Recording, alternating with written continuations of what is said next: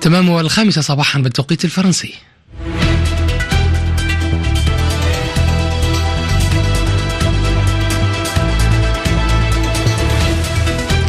الساعة الثانية من صباح مونتي كارلو الدولية تنطلق وفيها نشرة إخبارية جديدة أعدها ويقدمها لنا نبيل شوفان. صباح الخير نبيل. صباح النور رضا. صباح الخير لكم مستمعينا والبداية بالعناوين. مقتل العشرات في غارات إسرائيلية على مدينة رفح رغم التحذيرات الدولية من اجتياح المدينة والجيش الإسرائيلي يقول إنه حرر رهينتين في تلك المنطقة الرئيس الأمريكي جو بايدن يحث نتنياهو على ضمان أمن السكان في رفح قبل أي عملية عسكرية وفرنسا تحض على وقف المعارك في المدينة. لنا وقفة مع مفادتنا إلى مهرجان مراكش للكتاب الإفريقي ميشا خليل وفي ختام المهرجان تثمين لمساهمة أفريقيا في الثقافة العالمية. في كأس أمم أفريقيا كوديفوار تحرز لقبها الثالث على حساب نيجيريا مونتي كارلو الدولية نشرة الأخبار. أهلا بكم مستمعينا قتل أكثر أكثر من خمسين فلسطينيا.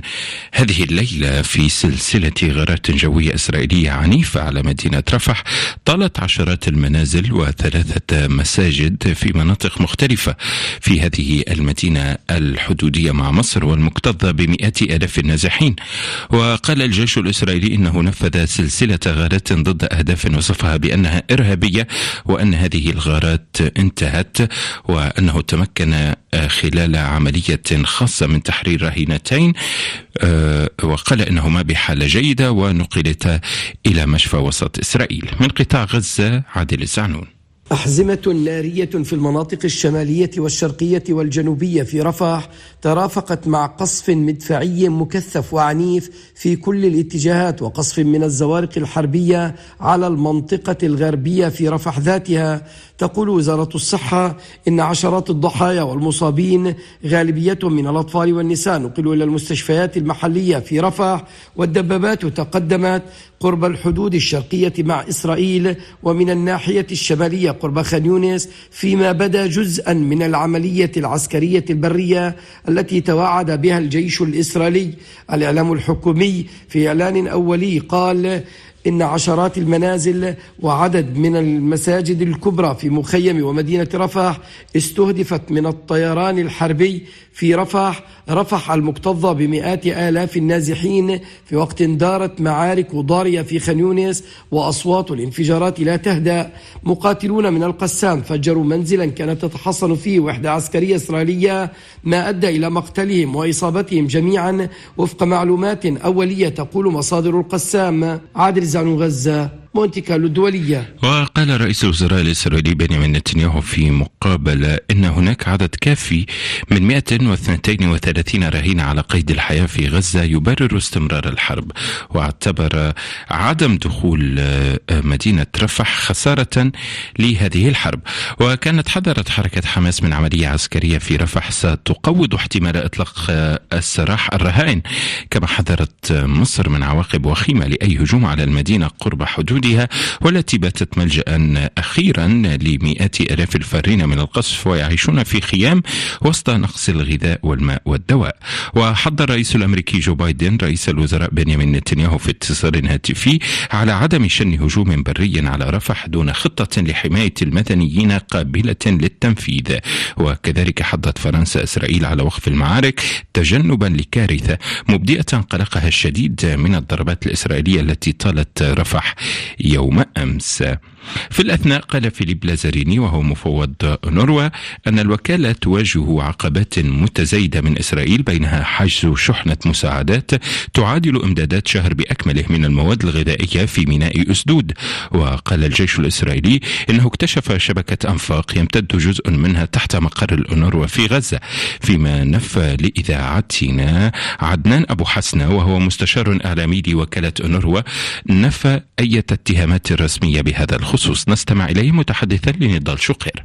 اولا نحن سمعنا عن هذه الاتهامات عبر وسائل الإعلام، إسرائيل لم تقدم لنا أي معلومات حول وجود أنفاق، نحن تركنا مقرات الأونروا في الثاني عشر من أكتوبر ولا نعرف ما الذي يحدث هناك، إذا كان لدى الجانب الإسرائيلي معلومات فليقدمها ونحن مستعدون للتحقيق في هذا الموضوع. ولكن الظروف حاليا امنيا لا تسمح بعملية التحقيق. في النهاية هذه ادعاءات ولكن نحن في الأونروا دائما في حال حدوث أي اختراق للحيادية كنا أول من يندد ونصدر بيانات ونبلغ كل الأطراف حول أي خرق يتم لها. وفي الأخبار يزور رئيس رئيس محمود عباس الدوحة لإجراء محادثات بشأن وقف إطلاق النار مع أمير قطر الشيخ تميم بن حمد آل ثاني بينما قال مسؤول كبير في إدارة الرئيس الأمريكي جو بايدن أن المفاوضين الذين يعملون على التوصل إلى اتفاق حققوا تقدما حقيقيا خلال الأسابيع الماضية. وفي بغداد قال المتحدث باسم الجيش العراقي أن العراق والولايات المتحدة أجريتا محادثات من أجل صياغة جدول زمني لخفض مدروس وتدريجي وصولا إلى إنهاء مهمة قوات التحالف الدولي في العراق. بريطانيا تتهم إيران بتجنيد المسلمين البريطانيين للتجسس على اليهود والمشقين عن النظام في طهران لجمع معلومات قد تستخدم لتنفيذ هجمات على أراضي المملكة المتحدة. التفاصيل مع مراسلتنا في لندن هدى الحسيني. يقترب أعضاء فيلق الحرس الثوري الإيراني من الشيعة البريطانيين الذين يزورون المواقع الدينية في إيران والعراق في محاولة لتجنيدهم حيث يطلبون منهم العودة إلى المملكة المتحدة وجمع معلومات عن اليهود البريطانيين البارزين أو الأهداف مثل المعابد اليهودية. ويتجسس البعض على المنشقين الإيرانيين المقيمين في بريطانيا الذين يتهمهم نظام طهران بتأجيج الاضطرابات في الوطن. وقال مسؤول أمني إنه منذ عملية حماس في السابع من أكتوبر وصل عدد أعلى من المعتاد من التحذيرات إلى المملكة المتحدة مما نبه هذا البلد إلى الهجمات المحتملة من قبل الإيرانيين أو وكلائهم. وحذر الخبراء أيضا من أن بعض الإيرانيين الذين يأتون للدراسة بمنح دراسية هم أيضا جواسيس. وقال مصدر في جهاز أمني إنه عندما يريد الحرس الثوري الإيراني اغتيال أو اختطاف أي شخص على أرض المملكة المتحدة فإنه غالبا ما يستخدم شبكات إجرامية منظمة مقرها بريطانيا هدى الحسيني لندن مونتي كارلو الدولية. نقلت وكالة فرانس بريس عن معارض سعودي شاب يخوض معركة للحصول على اللجوء في بلغاريا أنه تلقى اخطارا من السلطات بترحيله إلى بلاده حيث يخشى تعرضه للتعذيب أو الإعدام. ونشط هذا المعارض السعودي في الرياض وغادرها عام 2013 خشية توقيفه ثم وصل تركيا ثم غادرها إلى بلغاريا قبل عامين في رحلة على الأقدام عبر الغابات. حذر الأمين العام لحلف شمال الأطلسي ينس ستولتنبرغ من تصريحات الرئيس السابق الأمريكي دونالد ترامب التي وصفها بأنها تقوض الأمن. وذلك بعدما تحدث الرئيس الأمريكي السابق عن إمكانية عدم الدفاع عن دول الحلف المتخلفة عن سداد التزاماتها المالية. نجو أبو الحسن. أي إشارة إلى عدم دفاع الدول الحلفاء عن بعضها يقوض أمننا برمته؟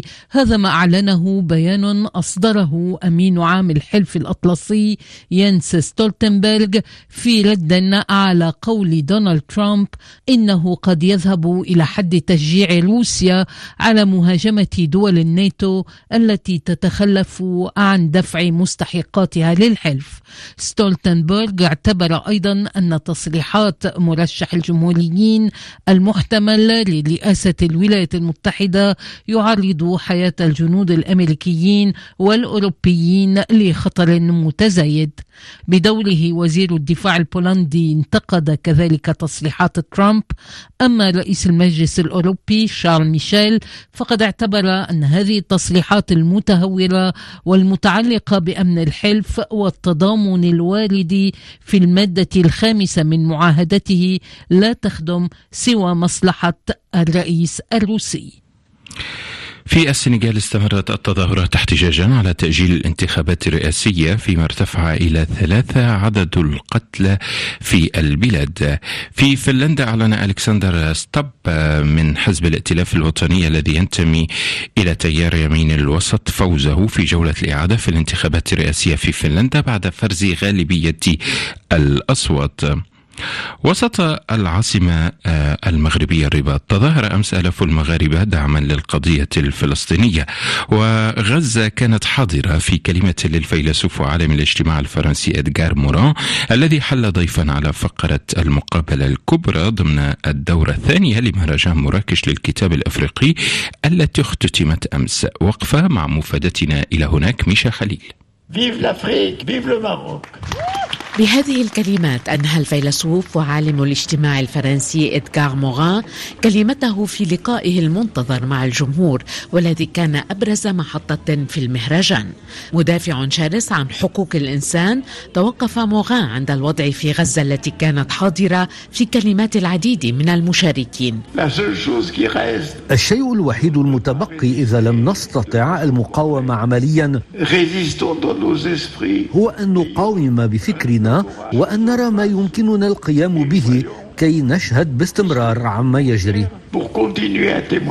جذب المهرجان جمهورا واسعا وهذا ما عزز الهدف الذي من أجله ساهم يونس أجراي في تأسيسه. إحنا نعيش في نفس القارة وما فيش مشاريع اللي ممكن أنه تقارب الشعوب والثقافات الإفريقية. ولهذا أظن بأنه المهرجان كان هذا هو الأساس في تأسيسه. معظم الندوات تمحورت حول التعددية الإفريقية التي توقف عندها الشاعر ياسين عدنان. هذا التعدد يحتاج إلى أن نحتفي به أكثر وأعتقد أن المهرجان له هذا التوجه المستقبل سيكون مفتوحا على التعدد الطبيعي. أسدل المهرجان ستاره على أمل العودة بدورة ثالثة أكثر ثراء وتفاعلية.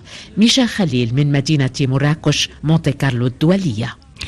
في الأخبار أيضا مستمعين أعلن البابا فرانسيس الأم أنتولا وهي امرأة من بلده الأرجنتين أول قداسة من هذا البلد. في حدث حضره الرئيس الأرجنتيني خافير ميلي الذي كان ينتقد سابقا البابا. إيزيس كريس عشية محادثات رسمية وفيما يمر بلدهما بأوضاع اقتصادية وسياسية معقدة التقى البابا فرانسيس الرئيس الأرجنتيني الليبرالي خافير ميلي في ختام قداس الأحد بالفاتيكان.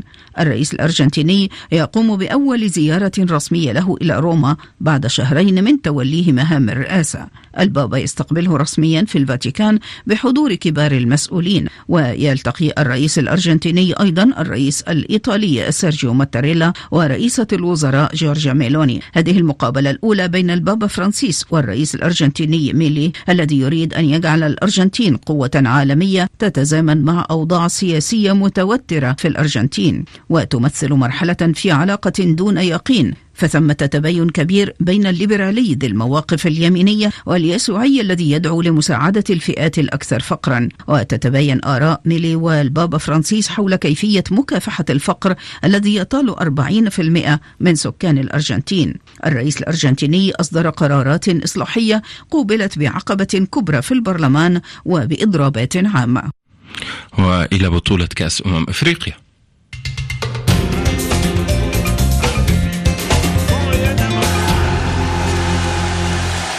عادت الكوديفوار المضيفة للبطولة من الموت بإحرازها لقب كأس أمم إفريقيا لكرة القدم لثالث مرة في تاريخها إثر فوزها المستحق على نيجيريا بهدفين لهدف في المباراة النهائية في أبيجان. مفادنا ياسر أبو سعدية. على ملعب الحسن واتارا وأمام أكثر من 57 ألف متفرج صنع رجال المدرب إميرس فاي ملحمة كروية أخرى بعدما قلبوا الطاولة على المنتخب النيجيري. هذا الأخير تمكن من افتتاح باب التسجيل عن طريق مدافعه ويليام إيكونغ لكن منتخب الفيلة رد بالطريقة التي تعود عليها في هذه الكان بعدما سجل هدفين في الشوط الثاني عن طريق كولمين فرانك كيسي وسيباستيان هالر ليرصع أصحاب الضيافة قميصهم بالنجمة الثالثة. وسط احتفالات عارمة في كل شوارع والمدن الإيفوارية. ورغم تتويج منتخب ساحل العاج باللقب إلا أنه سجل غيابه عن الجوائز الفردية فجائزة أحسن لاعب في الدورة عادت لقائد المنتخب النيجيري ويليام إيكونغ الذي سجل ثلاثة أهداف وقدم مستويات مميزة. في حين توج حارس مرمى منتخب جنوب إفريقيا رونوين ويليامز بالقفاز الذهبي وفاز إيميليو نسوي مهاجم غينيا الاستوائية بجائزة هداف البطولة برصيد خمسة أهداف. ياسر بوسعدية أبيدجان مونتي كارلو الدولية وهنأ الرئيس الفرنسي إيمانويل ماكرون الإيفوريين في منشور على منصة إكس. نهاية النشرة وهذا تذكير بأبرز العناوين. الجيش الإسرائيلي يقول أنه حرر رهينتين في رفح ومقتل العشرات في ضربات إسرائيلية على المدينة رغم التحذيرات الدولية.